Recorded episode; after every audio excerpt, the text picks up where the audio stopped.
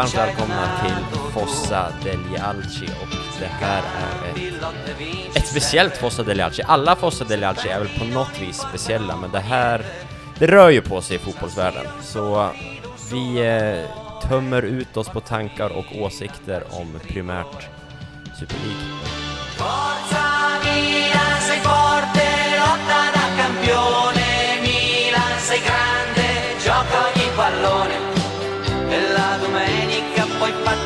Fatti rispettare. Ci siamo noi allo stadio per gridare. Milan, sei forte, lotta da campione. Milan, sei grande, gioca ogni pallone.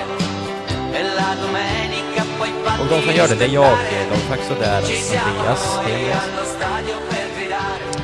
Eh, och det är eh, tillbaks gäst, eh, proffspoddaren Christian Dahlström, hej! Hej! Hur eh, står det till? Jo men det är, det är bra faktiskt. Vad härligt att höra. Eh, Mm. Vi ska som sagt bara prata eh, Superligan, är tanken. Och vi ska ju säga det, att nu när vi spelar in det här, 2022 är klockan tisdag den 20 april. Nyss så kom det uppgifter om att tre klubbar drar sig ur Superligan. Alltså under när vi typ snackade upp inför det här så kom nyheterna. Så jag tror vi alla tre sitter med liksom telefonen lite bredvid oss och uppdaterar Twitterflödet.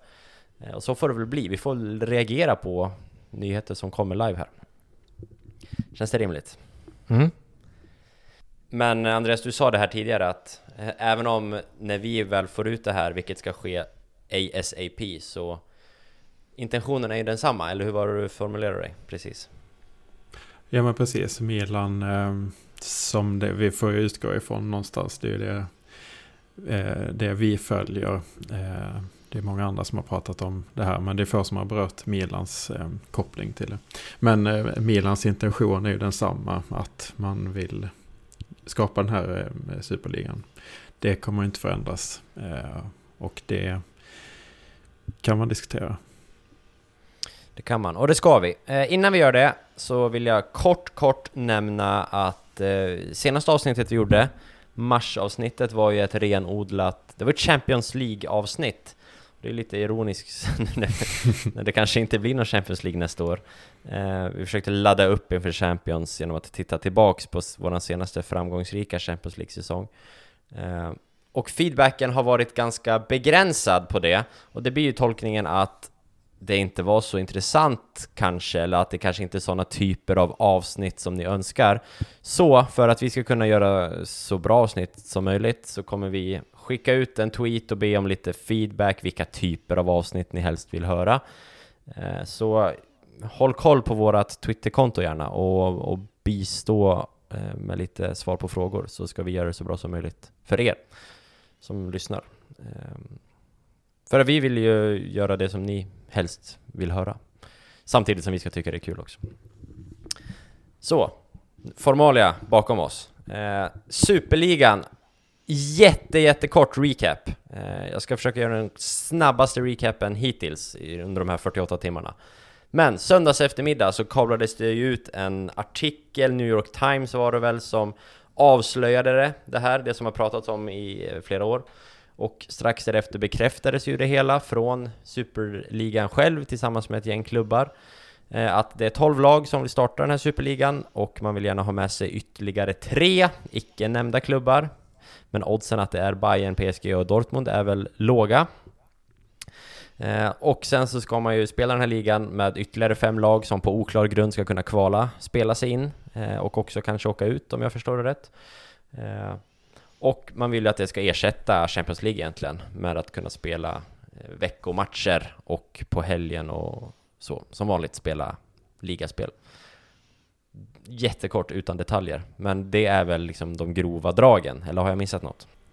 Ja, det finns ju många eh, detaljer som är intressanta men det är väl eh, huvuddraget. Det som var, gör det extra prekärt är ju att, att det här ECA, European Club Association, och de, det, med Agnelli i spetsen, de hade ju förhandlat fram ett nytt med Uefa eh, i fredags. Eh, hur Champions League skulle se ut och alla var nöjda efter långa, långa förhandlingar. Och sen går han ur det. Agnelli just och, eh, och de här storklubbarna eh, och skapar det här. Så att, ja, det, Mm. det är väl spetsa till det. Eh, så, det jag primärt tänkte undra, Christian, när du såg det här i söndags kväll eh, efter en Milan-vinst mot Genoa där på lunch till lunchpastan, hur, eh, hur gick tankarna då?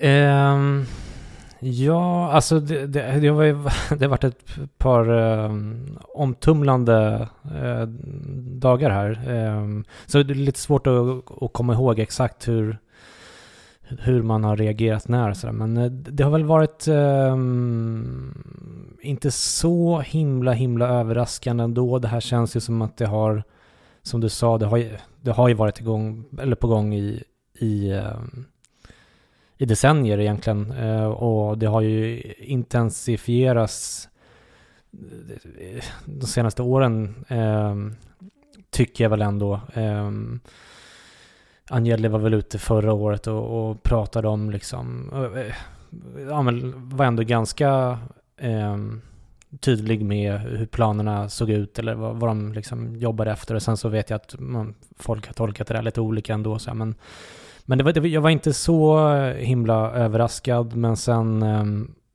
har, jag vet inte, detaljerna och sen har man ju liksom börjat tänka på alla olika, men vad hände med dem? Och vad hände med dem? Och varför är inte PSG med, varför är Bayern inte med? Och vad hände med Fifa, vad hände med Uefa, vem tjänar mest på det här, vem tjänar minst på det här, kommer spelarna gilla det här, kommer spelarna inte gilla det, liksom, ja, ni fattar. Så att eh, det, eh, är inte särskilt överraskande, men ändå ganska omtumlande. Men också lite kul kan jag ändå tycka. Alltså, det, alltså jag är emot hela idén, men det är ändå det är kul när det händer något.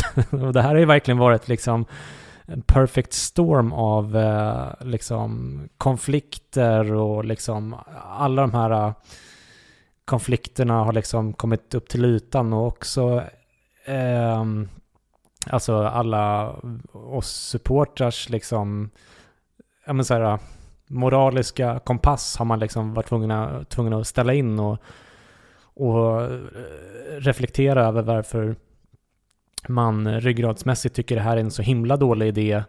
Vilket man ju tycker omedelbart man hör det och, och det tycker jag eh, fortfarande när jag har liksom reflekterat över det. Men men det är ju liksom inte så straightforward som det kändes från början utan, eh, och det kanske vi kommer in på lite grann med, med, med längre in i programmet här men, men eh, ja, man, man, har fått tänka väldigt mycket på, och det har varit väldigt många olika rörliga delar liksom i, i det här som har gjort det svårt att, eh, att eh, liksom, ja, det är lätt att bli konspiratorisk och, men i just i det här fallet så tror jag att många av de här konspirationsteorierna eller konspiratoriska tankarna som man har fått upp kanske har liksom lite grund och så här. Så att, nej, jag tycker att det har varit spännande men också lite, lite läskigt eh, på något sätt också eftersom man inte vet vad som kommer hända och, och tänker liksom nu i pandemin och man har ett ganska torftigt liv i, i övrigt och så bara tänker man att så, men,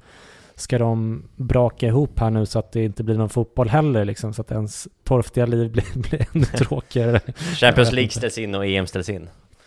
det Mm, har man ju typ. sett framför sig, för det har ju väl hotats med det, eh, Mm. om inte annat.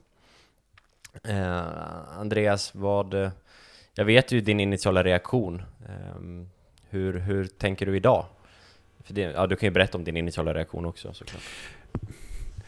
Alltså det, det, den skiljer inte sig så mycket från, från gemene man egentligen. Eh, Men, eh, men jag, eh, det känns som att man har landat i det. Det är ju liksom en, någon slags eh, eh, krisreaktion är starkt att säga. Men man blev, det blev en förvåning från början i alla fall. Eh, Men jag tycker ändå att jag har eh, kommit till freds med tanken att om det skulle bli en superliga så ehm, eh, kommer jag inte fortsätta att följa det. Ehm, Så Ja, det, det- var det var där min Asax nästa- har landat. Ja, det var faktiskt min nästa personliga ställningstaganden och du kommer in på det direkt. Alltså, det, skulle du ta avstånd från den, från Milan, från fotboll, från allt? Vad, hur går tankarna? För vi har ju sett många sådana personliga ställningstaganden. Ja, och det kan ju eh, verka väldigt impulsivt, eller det är det ju. Men eh, eh alltså fotboll är ju rätt så mycket mer än 12 klubbar. Eh, även om en av de klubbarna är den som jag håller på. Men eh, det, det lockar ju mer än någonsin med eh, fotboll som är medlemsägd just nu. Mm. Och där har du Malmö FF i Allsvenskan. Som Ja. en backup-plan. Eh, eh, personligen så har jag tänkt mycket också det som Christian att man hinner knappt landa i en tanke innan man kommer in på en ny tanke och ska reflektera och analysera om, det, om de gör så, vad händer då? Uefa, min initiala tanke var ju verkligen att Uefa, det var de onda mot Uefa och att den rollen iklädde sig Uefa ganska bra också. Att, att de blev på något vis de goda och Leeds-spelarna sprang ut igår i uppvärmningen mot, mot Liverpool med liksom Uefa-loggor på sig. Eh, Champions League-loggan som ju är en Uefa-ägd logga. Eh, Uefa är ju rövhål de också. Eh, Mm. stora sådana. Eh, värt att komma ihåg och jag lyssnade på Toto Balutto, om man säger. Jag, jag brukar inte lyssna på alla Toto Balutto-avsnitt, men det här tyckte jag att det kunde vara värt att, att lyssna på. Och Jag tycker de trycker på det ganska bra, att, att det är verkligen på något vis pest eller kolera på något vis. Det är bara att vi är vana med den ena saken. Och det Superligan vill är ju krasst att, att göra något liknande, eh, som Uefa gör nu med sina europeiska turneringar.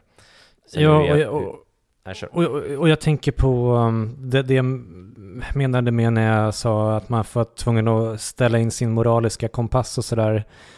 Så, um, så tänker jag liksom att um, jag tror att många har reagerat ungefär som Andreas och, och så har man liksom instinktivt har jag också känt det att äh, men typ skit i det här och samtidigt så liksom, ja men vi um, alltså när man släppte in eh, PSGs ägare Qatar, alltså staten Qatar, man släppte in Manchester Citys ägare och man har läst de här förfärliga artiklarna om tusentals barn som har liksom, eh, eh liksom handlat som slavar typ för de här liksom kamelracing eh, traditionen där som de har anordnat och deras liksom, ja, men, små barn mellan fyra och sex år som har dött i de här kamelracing eh, liksom, ehm, eh, aktiviteterna och fått sina testiklar liksom eh, krossade på kamelryggen i förfärliga smärtor och eh, liksom vad är det, hur många tusen arbetare är det som har dött i bygget av eh, Qatars eh, VM-arenor och sånt där.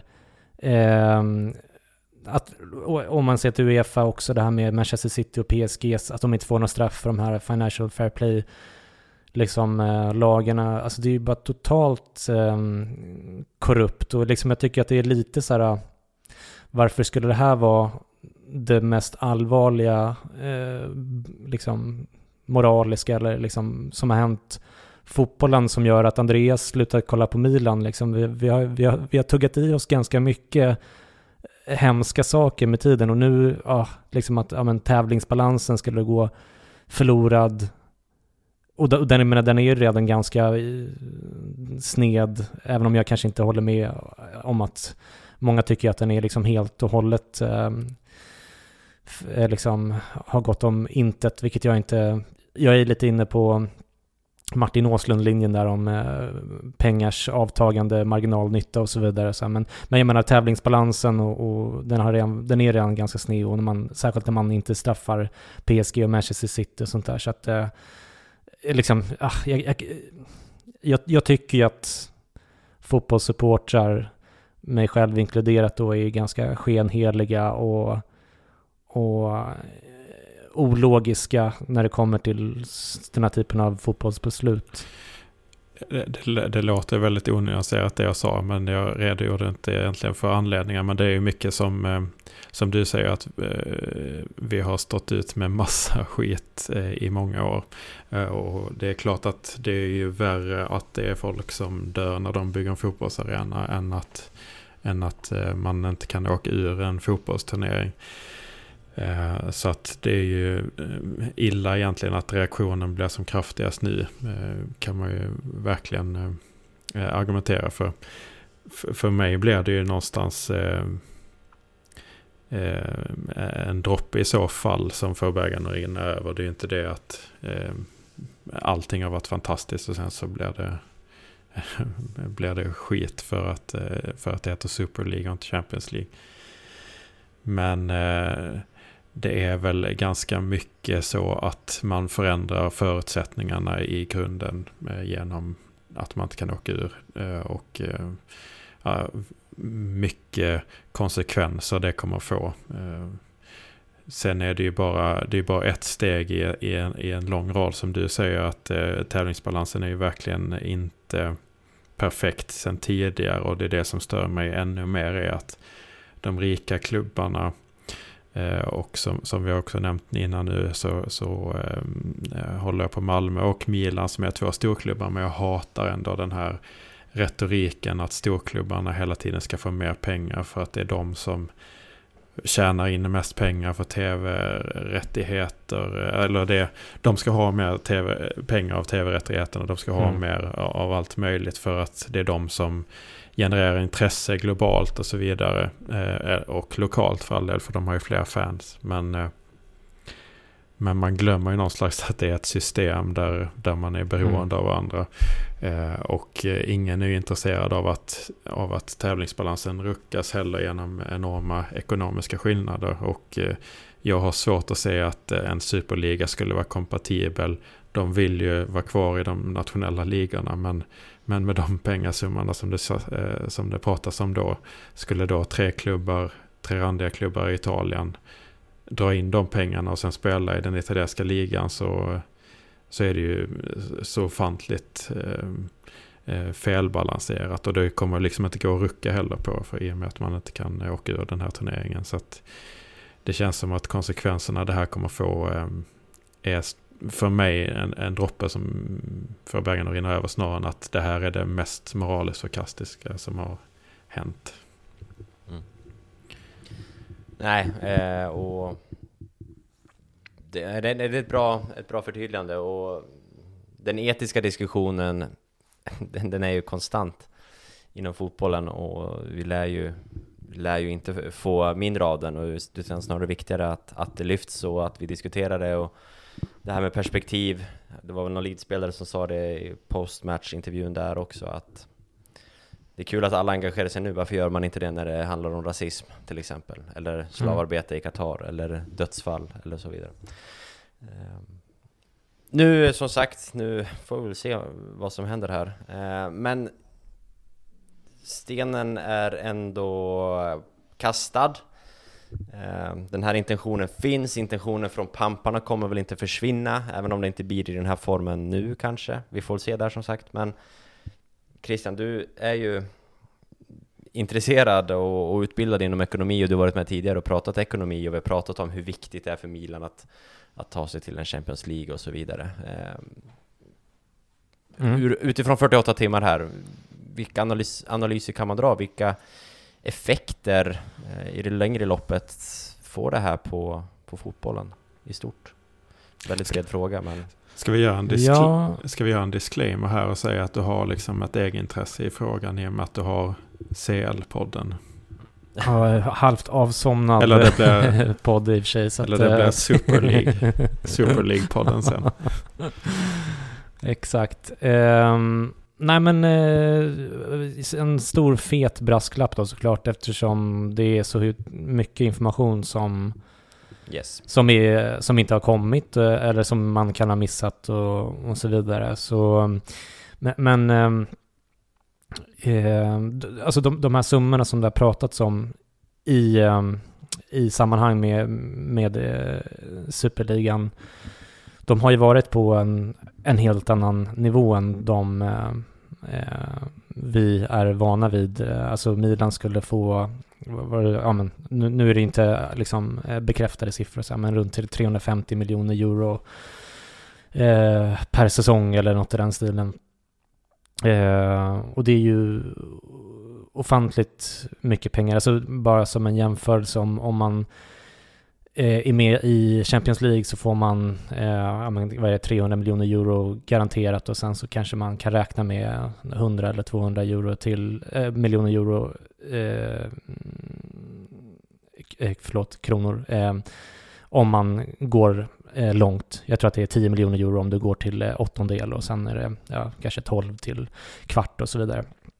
Ja, så, så säg att vi en halv miljard kanske eh, man kan räkna med som Milan då. Det där beror, beror ju också lite grann på de här koefficienterna och så vidare som vi har pratat om i förra avsnittet som jag var med. Men, eh, så, så, att det, det är liksom då kanske en, en, ja, men det är en bråkdel av vad man skulle få eh, rakt av som jag har förstått i den här turneringen. Alltså, och, och, om du vinner Champions League så kanske du tjänar 100 eller 110 miljoner euro eller något i den stilen.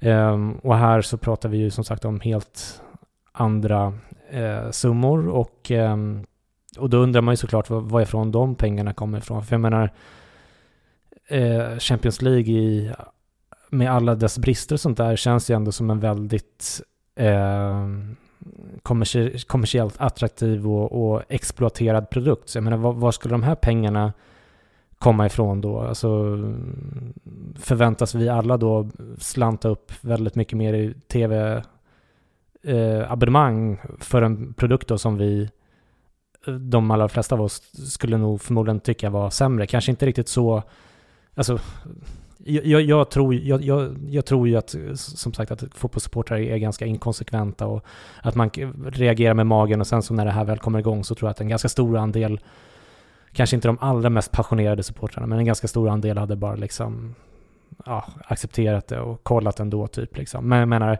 det, jag tror alla gånger att det skulle bli en, en sämre produkt som, som inte ligger i linje med vad man är uppväxt med och vad man tycker om med fotbollen.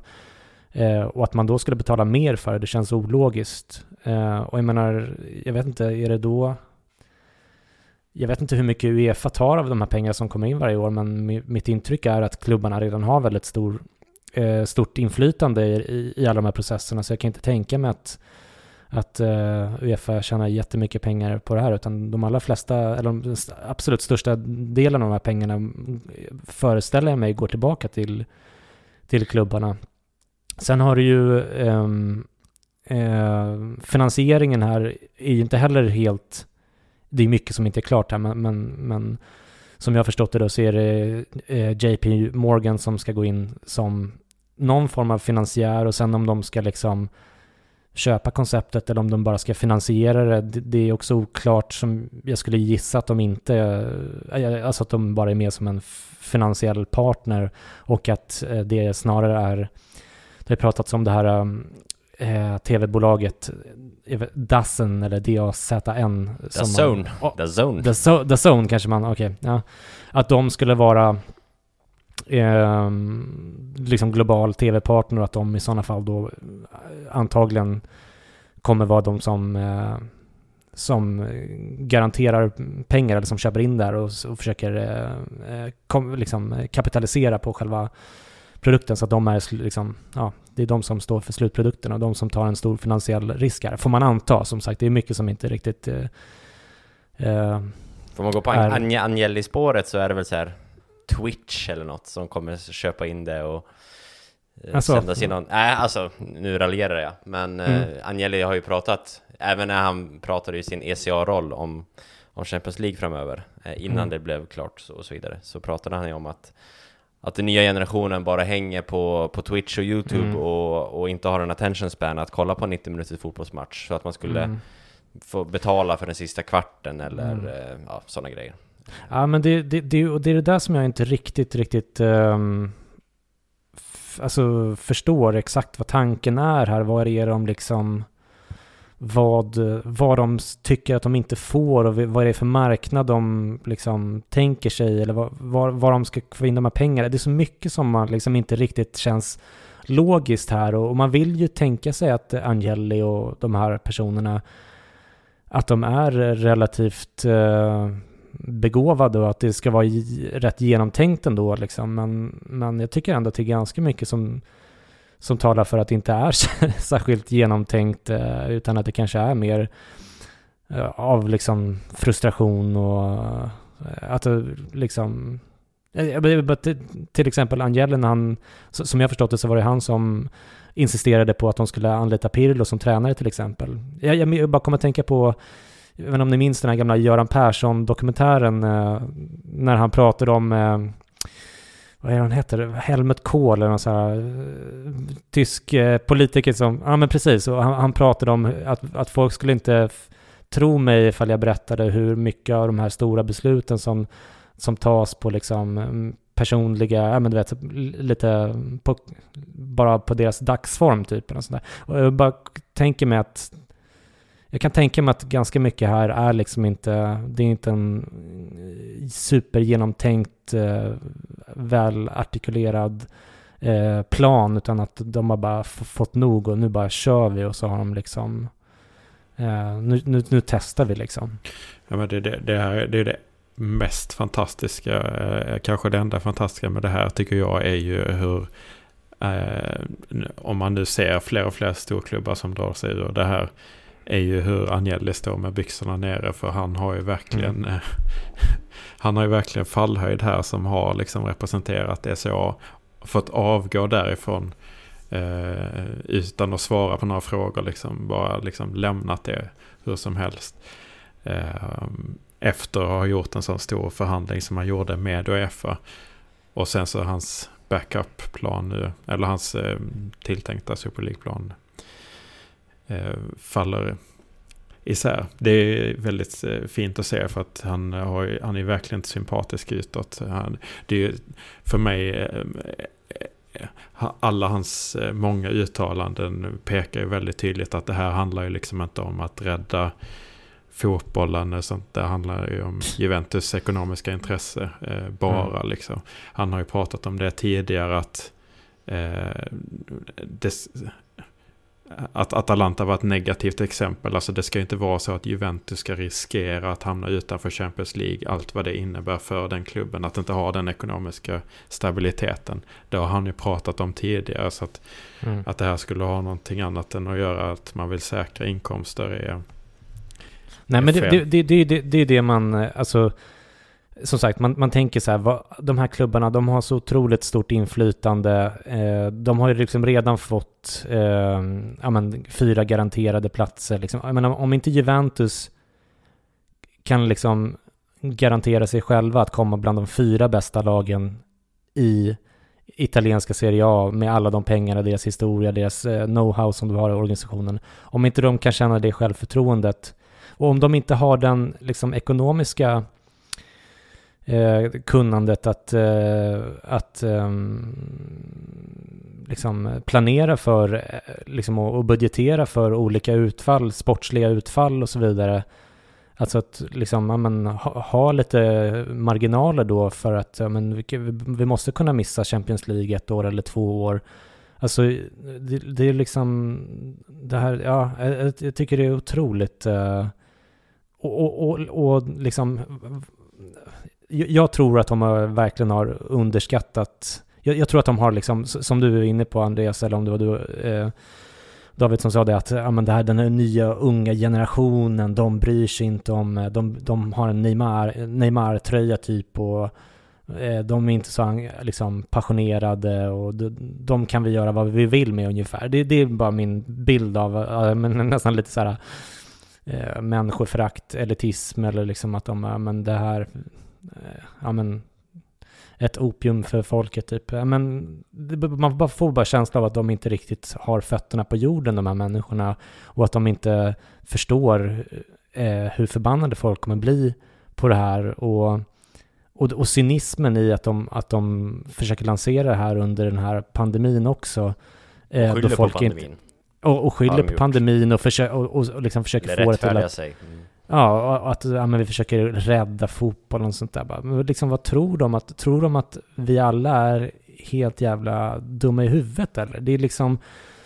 Eh, och, och, och sättet som de har liksom... eh, lanserat det här PR-mässigt också är ju bara en total katastrof liksom. Så, och, och återigen, det, det får mig att tro eh, ännu mer på att det här är liksom, det här är inte så himla Alltså det, det har säkert varit planerat och liksom så längre och de har liksom dragit upp eh, liksom de stora linjerna och, och kollat juridiskt ungefär hur det skulle kunna... Men, men jag menar, till slut, i slutändan så tror jag ändå att det bara har varit liksom att så här, äh, nu jävlar, nu kör vi liksom. Mm. Ungefär så.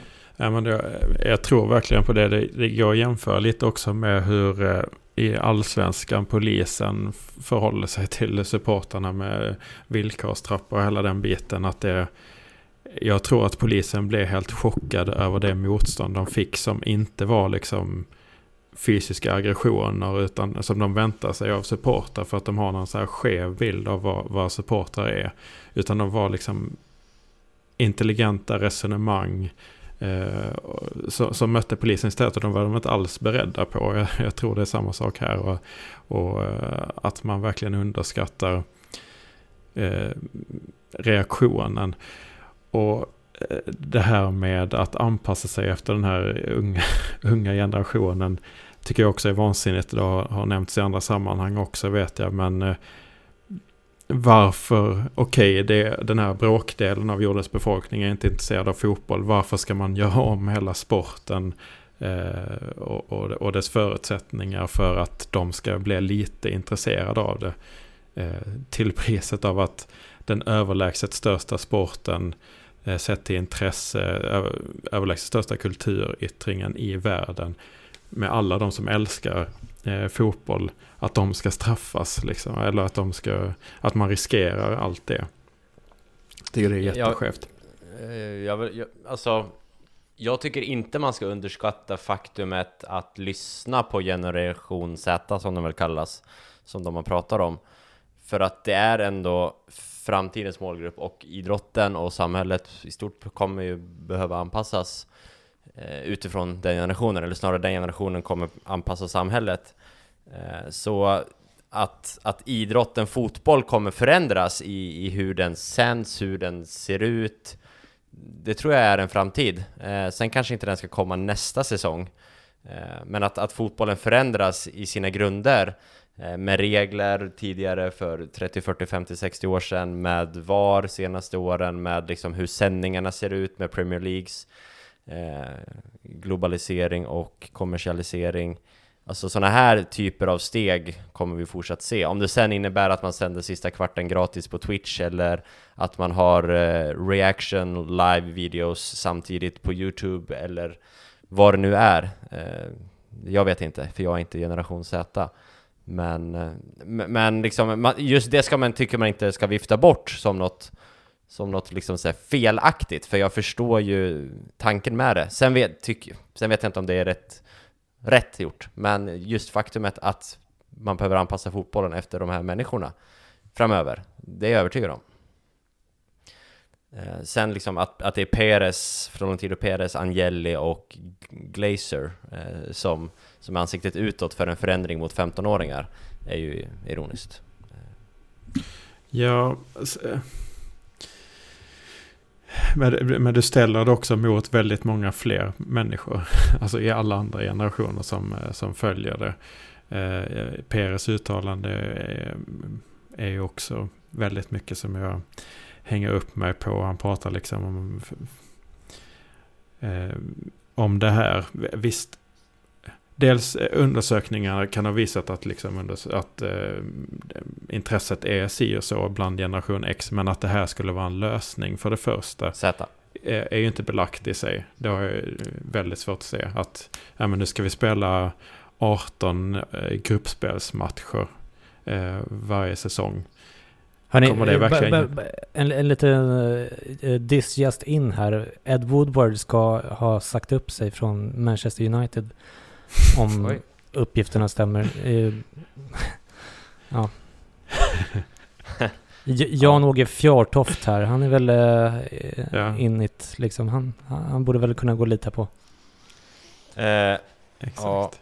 All clubs are meeting tonight to discuss the future. According to Mhm. Talksport, the European Super League is off. Mm. Som twittras från Milan Eye-kontot. Mm. Kommer nu här också. Precis, och det är ju skönt att man får den här näsbrännan, att den här hybrisen eh, som de här klubbarna har, att de ser sig som, som större än sina ligor, liksom, och större än den tävlingen de är. Det är ju liksom bara en... Och sina supportrar. Ja, det är bara en fortsättning av, eh, av att spelare har, har känt sig större än och betraktas som större än klubbar. Liksom. Det blir ur proportioner. Så det, det, är bara fint om man får den här näsbrännan och, och att eh, det, projektet varade en dag. Liksom. Mm. Jag vill bara återgå till det där som ni sa om uh, generation Z och så vidare. Alltså, jag, jag tror, tror, att ni har helt rätt och, och, att de behöver förnyas och det är ju, it goes without saying, men och rätt mig om jag har fel, men alltså tv-dealarna som har eh, och, och, intäkterna rent generellt inom fotbollen de senaste liksom, tio åren har ju gått eh, liksom rakt uppåt. Varför skulle det vara en extraordinär kris just nu? Alltså jag förstår ju pandemin och så vidare, men men skulle, liksom, det finns väl ingenting som talar för, för att, eh, för att fotboll är på väg att gå under, även om kanske liksom mindre andelar av eh, de all, liksom, folk i en viss ålder kanske inte är lika intresserade. Det borde man ju kunna liksom, de borde man ju kunna nå ändå utan att, som ni säger, bara omkullkasta allting liksom. Jag, jag, ja, jag köper inte riktigt Nej, det, det, är en jävligt bra poäng just att den trenden har gått uppåt. Eh, för då, är, då gör det väldigt tydligt att eh, det har kommit en pandemi, klubbar är i ekonomisk kris. Men eh, alltså normalt sett tänker jag, nu är det inte jag som är den ekonomiska experten, men då får man ju liksom titta på sina utgifter. Men det är ju inte mm. liksom det de funderar på, utan Peres står bara och säger att nej, men om, om vi ska kunna ha en, en hygglig tillvaro så, så måste de här ändringarna kunna göras för vi ska kunna leva vidare så här i 20 år till. Han säger väl att fotbollen kommer dö om fem år? Sa han inte det? Ja, ja 2024 till och med, så ännu kortare än så. Och det är liksom så här, en sport som har levt i hundra år, eh, bara för att det blir en ekonomisk kris kommer inte dö. Alltså, nej, men det är ju, det är det är ju så, verkligen, det är, det är dumheter. Mm. Man kommer ju liksom inte stå...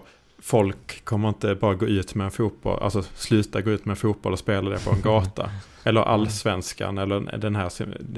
Det får man ju också göra tydligt att det handlar ju om eh, ekonomi bara. Det handlar ju inte om själva mm. sporten så. Och det, och det handlar ju om supportrar på en global skala som genererar pengar. Jag har ju, mm. jag har ju stått på Malmös läktare, jag har stått på, på Milans läktare, jag har stått på andra läktare i Italien jag har ju aldrig upplevt att det är något problem med återväxten på supportrar där. Där kommer ju alltid nya generationer, familjer mm. som går till arenor. Det fylls ju på, det intresset finns. Det kommer ju inte försvinna. Men det de snackar om är ju folk som tittar på fotboll från andra sidan av världen. Det som genererar väldigt mycket pengar, sponsorintäkter och så vidare. Det är ju det det handlar om. Det kanske, alltså att verkligheten som är ny, att man betalar Ronaldo 330 miljoner euro om året. Liksom. Det kanske är det som man ska fundera på. I... Ja men precis, alltså det, hela den här eh, narrativet att eh, om de ska ha råd att överleva eller liksom det, det är ju bara total jävla dynga och det förstår ju vem som helst. Därför att vad är vad består en fotbollsklubbs utgifter av? Jo, men det är liksom, det är fotbollsspelarnas löner som står för kanske i en normal Champions League-klubb för kanske, 60-70% eh, av utgifterna. Eh, Tottenham har väl kanske varit 45% eller sånt där. De är ju extremt eh, låga löner i en sån jämförelse och så vidare. Men, och så, och, okej, vad, vad tjänar de här spelarna då? Finns det någon marginal för att sänka deras löner? och, då, och att de fortfarande kan överleva på sitt yrke? Ja, jag, jag, jag tror det va. Men det, är ju, det är ju bara total, eh, total dynga såklart. Eh, hörni, det händer ju otroligt mycket nu. Det twittras väldigt mycket just nu om att det här är liksom off just nu. Mm. Eh, och de ska möta imorgon och så vidare och så vidare. Men eh, vi har, inte, vi har pratat Agnelli, vi har pratat Perez, vi har pratat Woodward och United och Glazers och så vidare. Eh, en av de här tolv klubbarna är Milan. Mm. Milan och Gazidis är väl den som har uttalat sig utöver någon form av officiell kommuniké så ska jag Gazidis ha mejlat alla sponsorer, ett mejl som har kommit ut. Vilka eh, effekter, eh, alltså hur, hur sätter vi in Milan i den här kontexten? Alltså, mm, vi, tänk, vi tänker stort, men jag, Ja. jag vill att vi ska tänka bara Milan. Jag, jag vill ju landa i det mejlet också som du sa, som han skickar ut till, eh, det är det, typ det enda Mm. man har hört från Milan. Ja. Förutom att Pioli har fått direktiv att "Nej, men jag ska inte prata om det här. Jag har fått reda på att jag inte ska prata om det. Han pratar inte ens om Champions League utan det vi ska nå topp fyra. Eh, den bästa placeringen vi har nått på bla bla bla år. Vad det nu blir. Eh, ingen kommunicerar utåt. Eh, men Gazidis skickar ett mail till sponsorerna och säger något i stil med som en viktig del av Milans eh, familj eller något i den stilen inleder han det mejlet. Eh, så, så vill vi ge er information bla bla bla bla. bla. Det är ingen kommunikation till eh, supportrar och det är väldigt eh, tydligt av var, Ja. var intresset ligger. Jag tycker också det är en del i hela det här kommunikativa haveriet som Mm. Superliga varit under 48 timmar. Att inte samma meddelande kom från alla 12 klubbar plus en övergripande organisation samtidigt. Mm. Det kom lite från en officiell Super League, det kom lite i tidningen i New York, det kom från Juventus och Real Madrid och sen var det tyst i 24 timmar innan ett Mm. mail läckte från Milan. Alltså, nej, jag vet inte. Och jag håller med. Vilket, vilket signalvärdet i att mailet går till BMW och vilka vi nu har som sponsorer, Fly Emirates. Ja, alltså jag tycker väl eh, att um, rent generellt så även i de andra klubbarna så, uh, ja men, det, det, även i England har man ju liksom klubbikoner i, i organisationerna, Peter Cech och eh, allt vad det är. Men, men jag tycker det är lite extra speciellt i, i um, Italien där vi har ju liksom Nedved, vi har Zanetti, vi har Maldini liksom. Det är ju otroliga ikoner att de inte har sagt nej till det här eller liksom... Jag, alltså man måste ju utgå från att de har varit med i loopen här. Alltså det låter ju sjukt att säga att det kanske inte skulle kunna vara så, men med, med Maldini och Ranjik eh, eh, sagan bakom sig så tar man ju inte någonting för givet. Eh, och det känns ju liksom, ja det, det känns ju lite extra hjärtskärande på något sätt om de då har suttit och konspirerat mot supporterna på det här sättet. Och sen att de inte uttalar sig, det, alltså, alltså inte, att inte just de gör det, det, tycker jag väl inte kanske är så konstigt. Och det kommer de ju såklart göra förr eller senare. Men det, det går väl kanske bara i linje med hela den här grejen, att det har varit väldigt liksom eh, ja, det känns som att de har, de har skjutit från höften lite grann och, och sen är det ju också Ehm, I de fallen det är ehm, börsbolag så är det ju väldigt viktigt med liksom, eh, i vilken ordning marknadsinformationen eh, kommer och sådär. För att eh, man, är, man är ju bunden av regler och lagar där helt enkelt. Att inte berätta om saker ehm, så att inte inside information kan komma ut. Och därför får man inte berätta det för liksom ja, men spelare och, och ledare och sånt där heller. Utan de har ju fått reda på det väldigt sent, vilket är, är, ju logiskt ur det perspektivet också. Eh, men sen är det klart att det, det, är ju, det är ju eh, ledarna, tränarna, spelarna som kommer få, som får stå till svars för det här därför att det är de som gör intervjuer dagligen. Det är ju liksom de, det är ju en del av hela underhållningsdimensionen här. Det är liksom det de får betalt för är, är ju mycket att göra de här intervjuerna liksom och förutom matcherna då såklart så att eh, det är inte heller helt helt uh, ologiskt. Men jag menar, hela PR-biten känns ju liksom illa orkestrerad som sagt. Men, men uh, delar av, av den logiken tycker jag ändå känns uh, given på något sätt. Ja.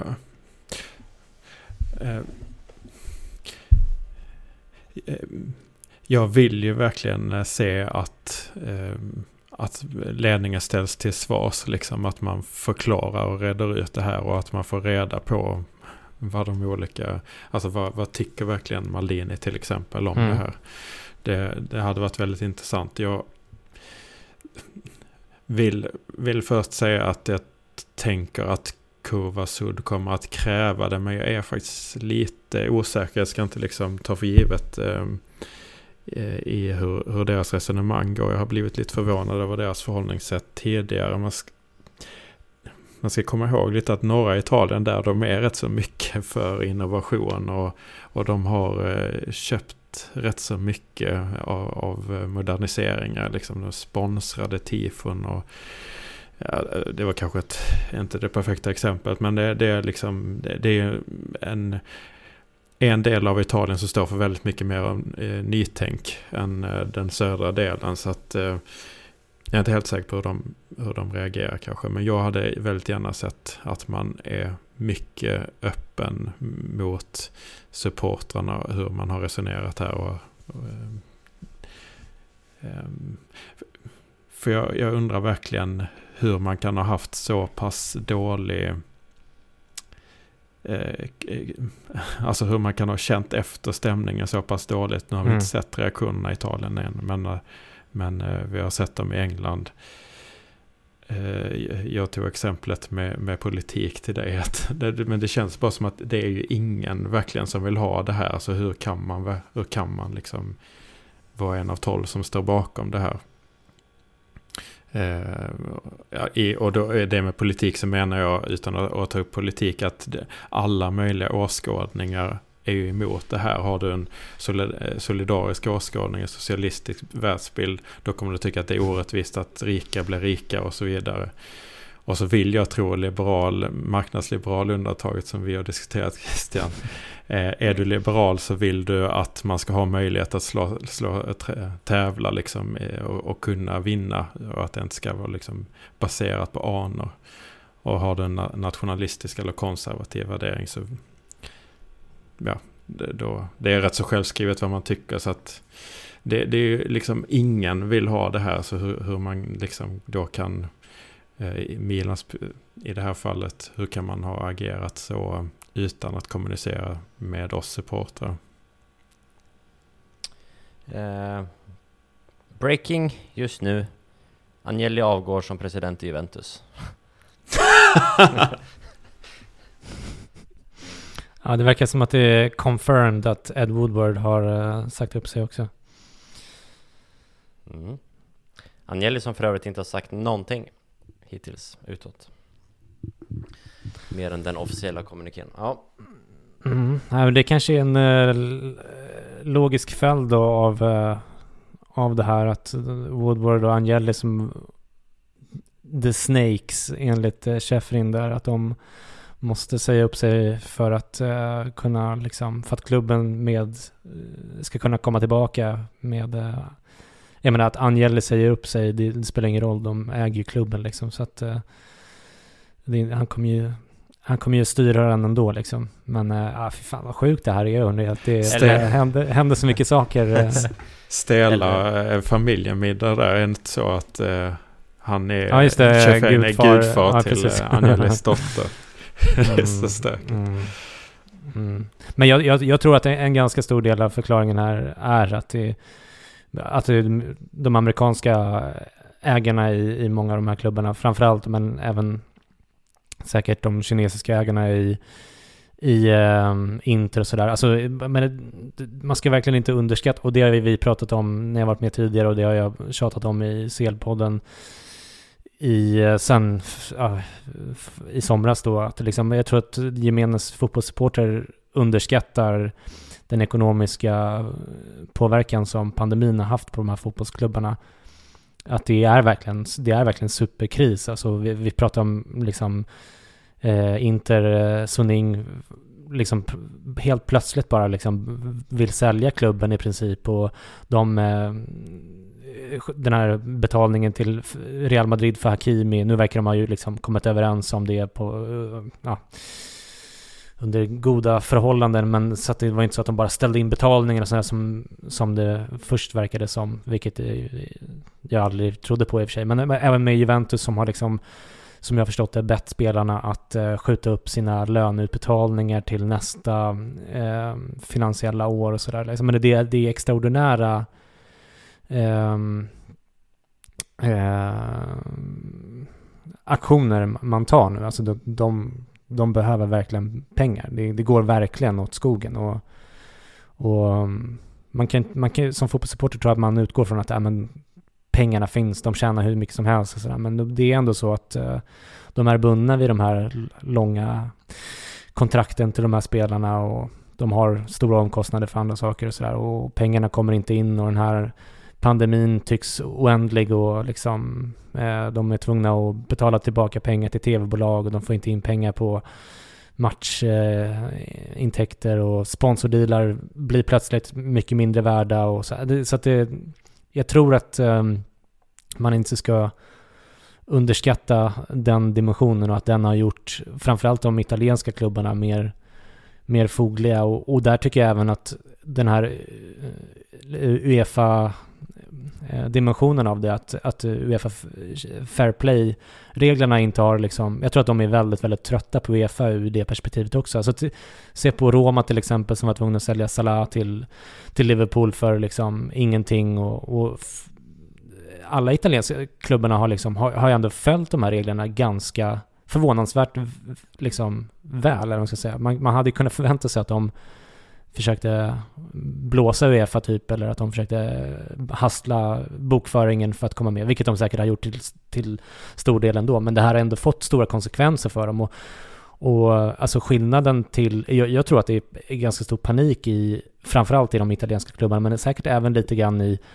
i de spanska klubbarna också, att, att Premier League går så otroligt bra. De drar verkligen ifrån eh, ekonomiskt eh, alltså West Ham kan köpa spelare av av i princip alla italienska klubbar liksom. Eh, eh, det, det, liksom eh, jag, tror att det, jag tror att det finns en ganska stor panik i de italienska klubbarna. Sen, å andra sidan det blir lite ologiskt då varför till exempel City skulle vilja gå med på det här och varför Chelsea, ja. som, som ni hör, det är mycket man börjar fundera på liksom. Vad, mm. Hur det här ska gå ihop logiskt och varför. Ja. Men, men eh, det, det, är ju verkligen så, eh, och det vill jag också understryka genom att jag inte har sagt det, att eh, Uefa är ju liksom maffia. Alltså, ja, det, det, och det ser man ju på deras metoder nu, att försöka utesluta spelare från, från landslag. Och, alltså det är ju det är maffiametoder. Mm. alltså de försöker göra allt vad de kan för att ha sin makt. De är ju korrumperade, de växer som organisation, tjänar mer och mer pengar. De är ju också under. Eh, inget snack om det. Eh, det, det, är bara det, jag tycker att det, här, det är bara det att jag tycker att det här alternativet är värre. Eh, mm. Men, men eh, för mig, nu har, vissa, nu har vi fått ett utfall på det redan, men, men hade man frågat mig det jag hade förberett, eh, vad jag trodde om det här var ju att det nog inte skulle ske, men att det var ett förhandlingsstrategi. Liksom. Mm. Och det kan man väl också se lite sådana mönster. Ja, PSG är inte inbjudna. Mm, vilka ägare har de? Hur är, intresserade är de av att, ha en bra relation med Uefa? Eh, kommande VM eh, i Qatar mm. och, och, så vidare. Det finns ju väldigt stora Eh, politiska eller eh, mm. eh, vad man ska kalla det. Eh, ja, men precis, kompisband det det, som, som, som, eh, som spelar roll här. Det var det jag pratade om i början där, att de här konspiratoriska tankarna man får kring till exempel då Qatar och sådär, varför de inte gick med i det här och sådär. Jag tror att man eh, en del av dem är kanske lite väl eh, paranoida, men många av dem ligger det säkert någonting, någonting i. Men jag tycker också att det blir lite, eh, det har sett att rätt många har tyckt att typ Gary Neville och många av de här andra tyckarna i England, men också i, i, eh, i Italien, att, alltså, att man börjar prata om the working class people som har byggt den här sporten och bla bla bla bla bla. Alltså det här är ju liksom det här är ändå i tangentens riktning, eller vad man ska säga. Alltså den här utvecklingen har ju skett. Och jag, men jag är inte he, helt emot den heller. Jag tycker det är ganska häftigt med alla de här stora eh, dealarna och hur mycket pengar. Alltså det, typ, för mig är det en eh, en del av charmen med till exempel Champions League, att det är så jävla... Att det är miljardärer som springer runt där på planen. Jag, jag kan tycka att det är häftigt också, men, men jag menar att liksom Gary Neville till exempel då ska börja prata om att de stjäl sporten och... Jag menar liksom... Fotboll blev för dyrt för liksom städare och, och eh, fabriksarbetare och sånt där för länge sedan. Liksom. Det, det, och, och, vem är det som har tjänat mest pengar på det? Jo, men det är spelarna som idag är pundits i, i studion. Det är, som, som jag sa tidigare, men 60-70% av alla pengar som de här klubbarna går in, drar in, de går till spelarna. Liksom. Så det är de som är de största vinnarna här, jämte ägarna såklart. Men, men eh, alltså det tycker jag är ganska mycket eh, skenhelighet även där.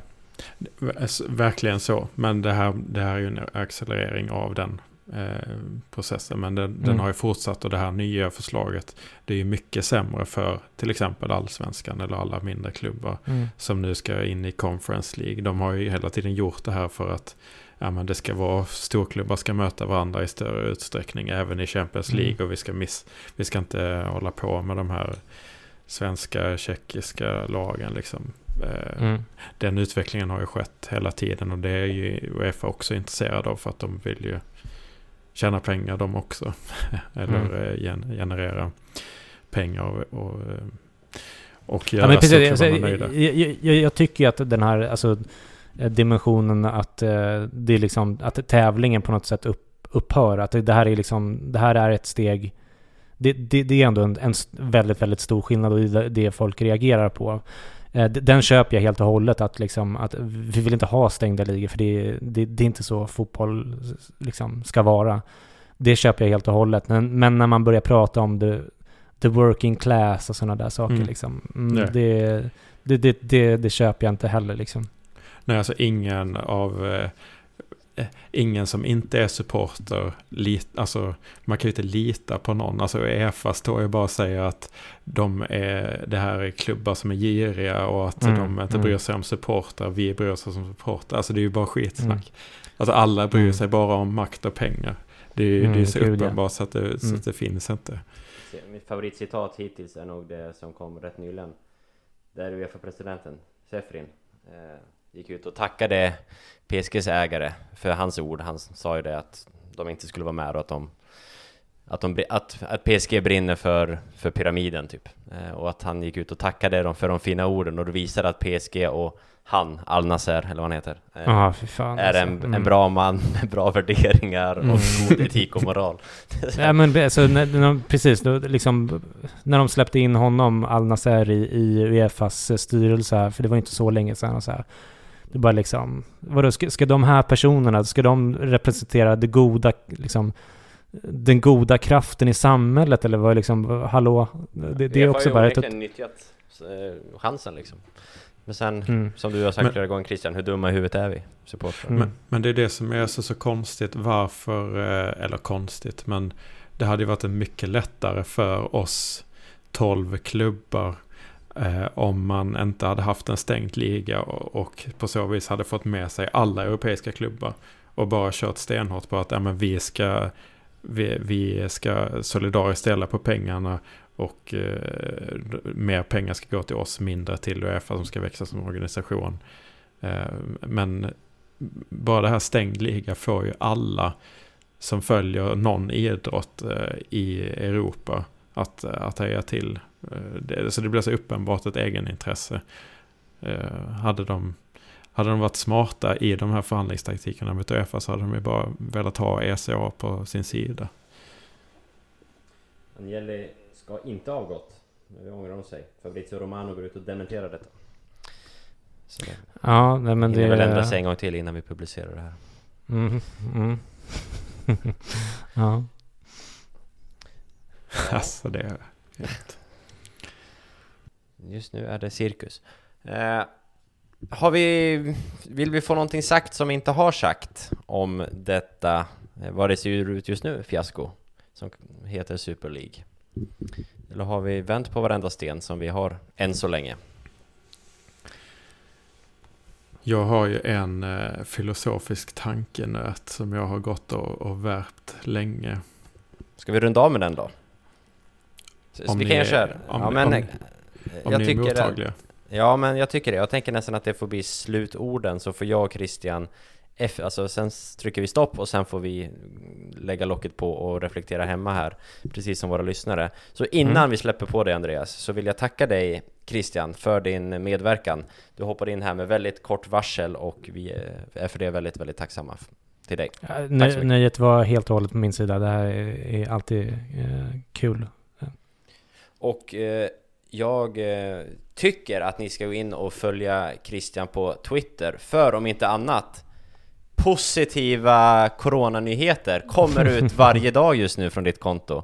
Jag gillar framförallt din eh, uppföljning på statistiken. Eh, Man blir glad varenda gång du twittrar statistik, nästan, just nu. Mm, precis, jag är något av en number cruncher men också lite terapeutiskt att eh, läsa hur, hur snabbt vaccinationen ändå går eftersom jag tycker att, eh, ja, men, jag tycker att det är jävligt jobbigt med den här pandemin som alla andra. Så att, eh, men eh, nej, jag tycker också att det är förfärligt att jag, jag av alla människor har blivit så här, tänk positivt eh, personen liksom. Det, det, känns, eh, det känns inte alls bra. Och den, den positionen på Twitter tänker jag lämna illa kvickt när den här skiten är över. Det ska ni ha jävligt klart för er. Ja men passa på att följ nu, sen kan ni avslöja, äh, avfölja om ett år Ja, eller vad precis, det nu tar exakt, för exakt. oss att klara oss igenom det här. Ehm, Men eh, du har lyckats få den effekten på mig via ditt Twitterkonto, att, att eh, du är min källa till eh, vaccinationsstatistik just nu. Mm. Eh, Och eh, med det, Andreas, eh, take it away. Eh, Jag är för övrigt vaccinerad idag om man vill. Om man ser det som positivt. Har, du- har du fått vaccination? Idag är jag precis. Mm, snyggt. Ja, det är skönt. Ehm, inga symptom än så länge, eller biverkningar. Så det är också positiva nyheter. Den här eh, eh, tankenöten kräver kanske viss eh, interaktion, men, eh, Jaha, Ja, förlåt, ja, då kan vi... men jag har haft, jag har, eh, eh, Eh, jag är väldigt intresserad av filosofi, det är ju inte alla som är det, men eh, jag tycker att eh, det finns ganska få nu för tiden praktiska användningar av det där det kan etableras i verkligheten. Men i fotbollsvärlden så tycker jag att det här är någonting som är väldigt relevant. Och, därför har jag funderat på det och ta upp det tidigare gällande till exempel arenafrågan. Men det är då ett, eh, ett känt begrepp som eh, kallas för Theseus-skeppet. Är ni bekanta med det? Nej, nej. Det, det, det, det är ett skepp eh, i Grekland. Det är ju filosofer därifrån som gick mellan Theseus tror jag och Aten. Det är inte relevant. Det som är relevant är att det skeppet gick år ut och år in och sen så eh, eh började någon planka ruttna och så, så bytte man den plankan. Eh, eh, och sen så började en annan planka ruttna så bytte man den plankan och till slut så är alla plankor utbytta. Och då är ju frågan, är det samma, är det fortfarande Teseus-skeppet så att säga? Allt material är utbytt men är, det, är, är skeppet fortfarande Theseus-skeppet? Det är dilemmat. Och eh, eh, sen kan man lägga till också då om man har sparat alla gamla plankor och, och, och sen eh, slår ihop dem. Är det då Theseus-skeppet? Vilket är Theseus-skeppet? Det är eh, själva dilemmat. Eh, och, och jag tycker att det mycket filosofi handlar bara om semantik och sånt kan jag tycka nu när jag är mer biologiskt intresserad med, med mitt jobb och, och studier och sånt där. Men just det här är intressant för, i fotbollssammanhang tycker jag för att eh, det är så speciellt att eh, älska en klubb. För att det, det är ingenting, det fin, förekommer inte alls på samma sätt i, i andra sammanhang. Alltså man kan ju älska en annan människa men den personen är ju en person som visst kan förändras och sådär när man, blir, när man eh, utvecklas som människa och saker händer allt, som, är, allt möjligt. Men vi eh, håller på en klubb som idag, det finns inga spelare som är kvar sen, sen vi började hålla på, på Milan. Arenan diskuteras att bytas ut och nu är det ju då det här med, med tävling att ja, för all del Champions League är en jättestor del av, av, eh, av varför vi håller på Milan, i alla fall eh, Eh, jag och David, jag gissar att det är samma för Christian också med tanke på vilken podd du bedriver. Mm. Eh, Champions League har ju varit väldigt viktigt för vår identitet. Nu har vår klubb aktivt valt att gå ur Champions League. Eh, vad... Eh, vi har en filosofi som går ut på att eh, ha unga, satsa på unga spelare, sälja vidare för utvecklingsvärde. När vi började hålla på Milan då var det liksom en äldre stumme som, som, eh, som var kvar år ut och år in. Liksom. Det, var, det, det är jättemycket som har ändrats. Ägare har bytts ut mer än en gång. Ledning, tränare. Allting är ju utbytt mer eller mindre.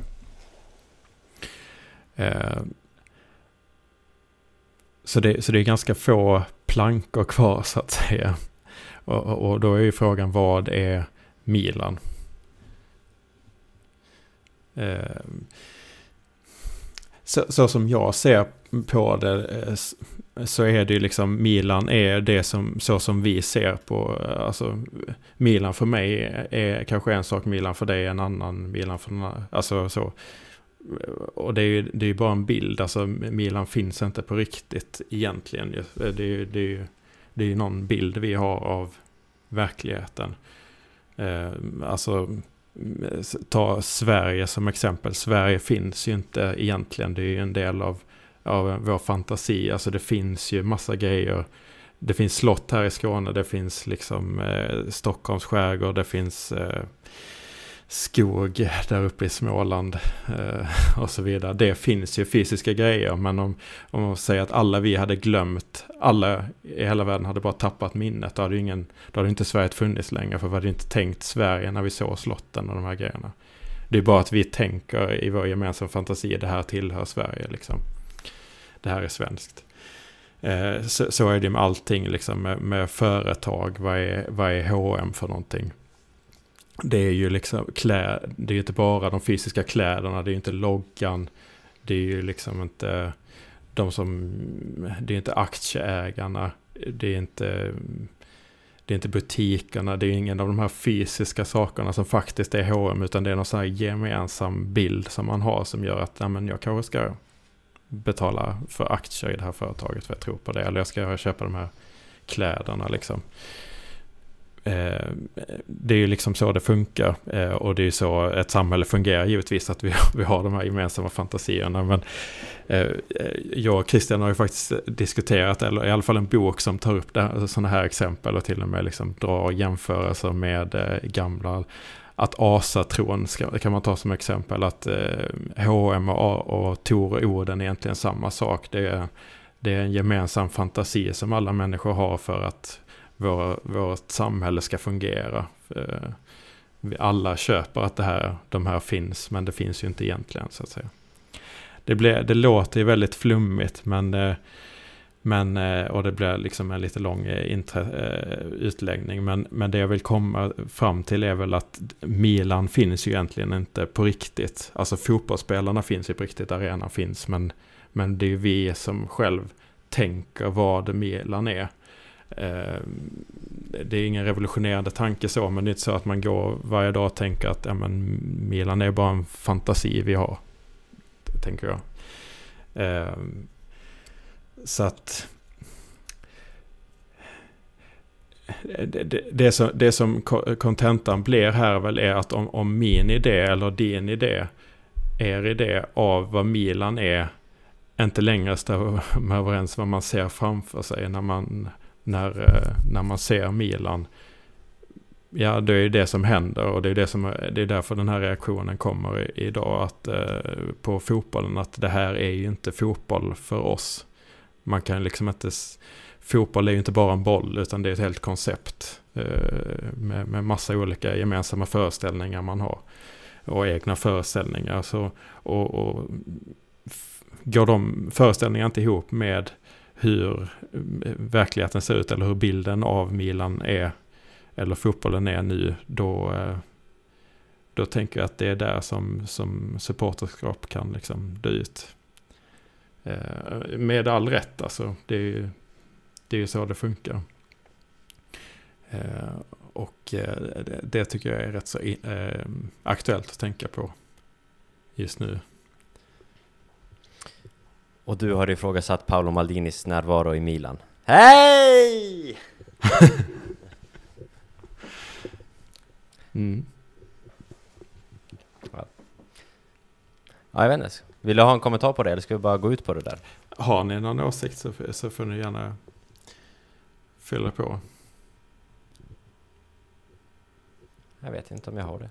Vad är en planka? Vad är en klubb? Vad är en båt? Ja. Nej, men jag har i alla fall inte varit eh, längre ifrån eh, den här bilden eh, som, som eh, eh, Milan målar upp av sig själva just nu.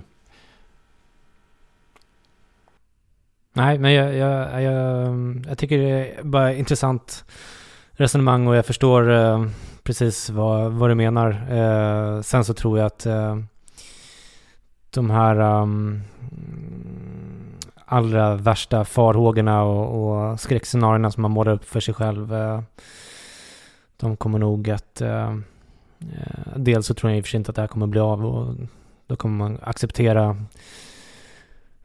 nästa lösning på det här kommer att kännas eh, bra oavsett nästan vad den blir och så kommer man att fortsätta på det. Men, men eh, så tycker jag väl kanske att det är, det, det, det, det, är en väldigt mörk bild du eh, målar upp här. Eh, jag kan också tycka att eh, rent generellt att ehm, den här created by the poor, stolen by the rich grejen och sånt där är också lite historielös Alltså mm, fotbollen har alltid eh, varit kommersiell eh, därför att den måste vara det. Därför att eh, eh fotbollsspelare tillverkar ingenting. Eh, de, de, de eh, alltså när fotbollsklubbar började växa fram så var det ju liksom mecenater i, i bruksorter som bekostade deras liksom eh, deras löner och de fick liksom eh, kanske något, eh, någon tjänst på, på, på företaget därför att det var inte tillåtet med professionell fotboll och med tiden så började liksom rätt snabbt började fotbollsspelare göra reklam för eh, cigaretter och allt möjligt så, här. så att det, jag tycker att det finns en, en, en så här romantiserad bild av vad fotboll är och att det liksom är bara en ideella krafter och att det liksom är, ja men den här fotbollsromantiska bilden som är ganska förljugen från början. Jag kan nog äventyr, liksom, eh,